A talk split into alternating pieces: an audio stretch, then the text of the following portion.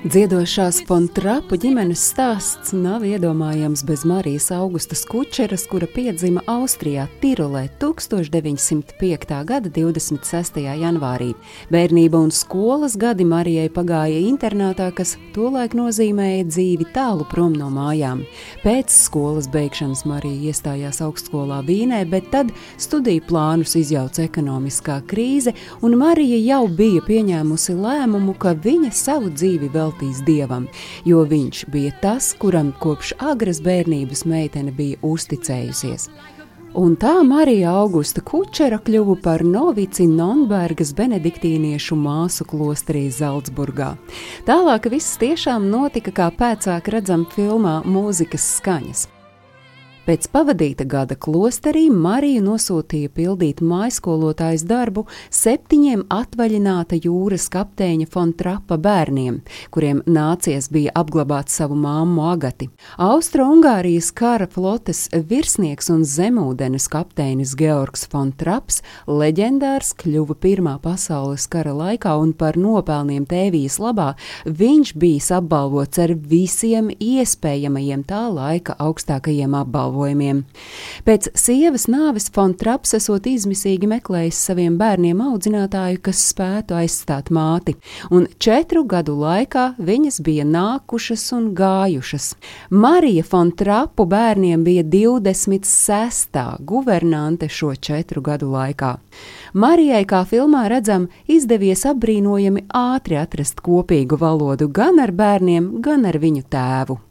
Tieši Marija atklāja to, ka bērni apveltīti ar muzikalitāti, bet bijuši pilnīgi neizglītoti šai jomā. Viņi nav zinājuši nevienu tautas dziesmu. Tikmēr Marijai, kura studiju gados bija izstaigājusi krustu šķērs un omaļus alpu ciematus, klausoties un pierakstot paudžu paudzēs dziedāto dziesmu, bijis pārpārēm. Mācot dziedāt bērnus kopīgajai dziesmai, pievienojās arī kapteinis Fontraps, un pavisam neilgi pēc tam, kad Marija bija uzsākusi guvernantes gaitas trapu mājā, viņa kļuva par Fontrapa kundzi. Divus gadus pēc kāzām piedzima abu pirmā meita Rozmarija un pēcāk Eleonora. Trapu muzikālā karjera sākās pateicoties ģimenes biktstāvam, tēvam Vasneram, jaunam priesterim, kura mūzikas mīlestība un organizatora talants bija tā, kas trapu ģimenes kopdziedāšanu svētkos ieveda dziļākos ūdeņos. Un kad tautas dziesmas un korāļus nomainīja Šuberta, Baha un Brāmsa skaņdarbi, ģimene, pateicoties pasaules slavenās operdīvas Lotas Lēmanes ieteikumam, piedalījās dziesmu ansambļu festivālā, kur iegūstot pirmo vietu, aizsākās ģimenes muzikālā karjera. Mājas dziedāšanas vakari kļuva par mēģinājumiem, bet vaļasprieks par profesiju jo pēc Zeltsburgas festivāla piedziedošās ģimenes ar lūgumiem un uzaicinājumiem ieradās teju visu Eiropas valstu impresāriji, un ģimene koncertēja teju visā Eiropā. Vācijai okupējot Austriju, tā jau bija noskatījusi Fontrapus, un viņi bija uzaicināti piedalīties Fīrera dzimšanas dienas svinībās. Bet tā kā Fontraps jau bija atteicis Vācijas kara flotes ministrijai pārņemt zemūdeņu bāzi Adrijas jūrā, bet vecākais dēls atteicies ieņemt atbildīgu amatu Vīnes kara hospitālī, tad saprotot, ka trīs reizes atteikt Hitleram būtu bīstami, tāpēc ģimene nolēma doties trimdā dienu pirms robežu slēgšanas, nokļūstot vispirms Itālijā, tad Londonā un pēcāk Amerikā, kur Fontrapi aktīvi koncertēja, sagaidīja pasaulē savu trešo bērnu Johannesu.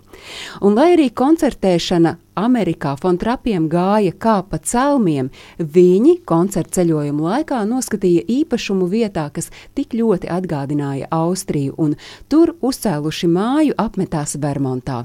Kara laikā ģimene nodibināja palīdzības organizāciju Austrijai. Kad kapteinis Fontraps mira, ģimene savā muzikālajā pulkā uzņēma tos, kuri vēlējās būt kopā ar viņiem, radot kopienu Kor Unum.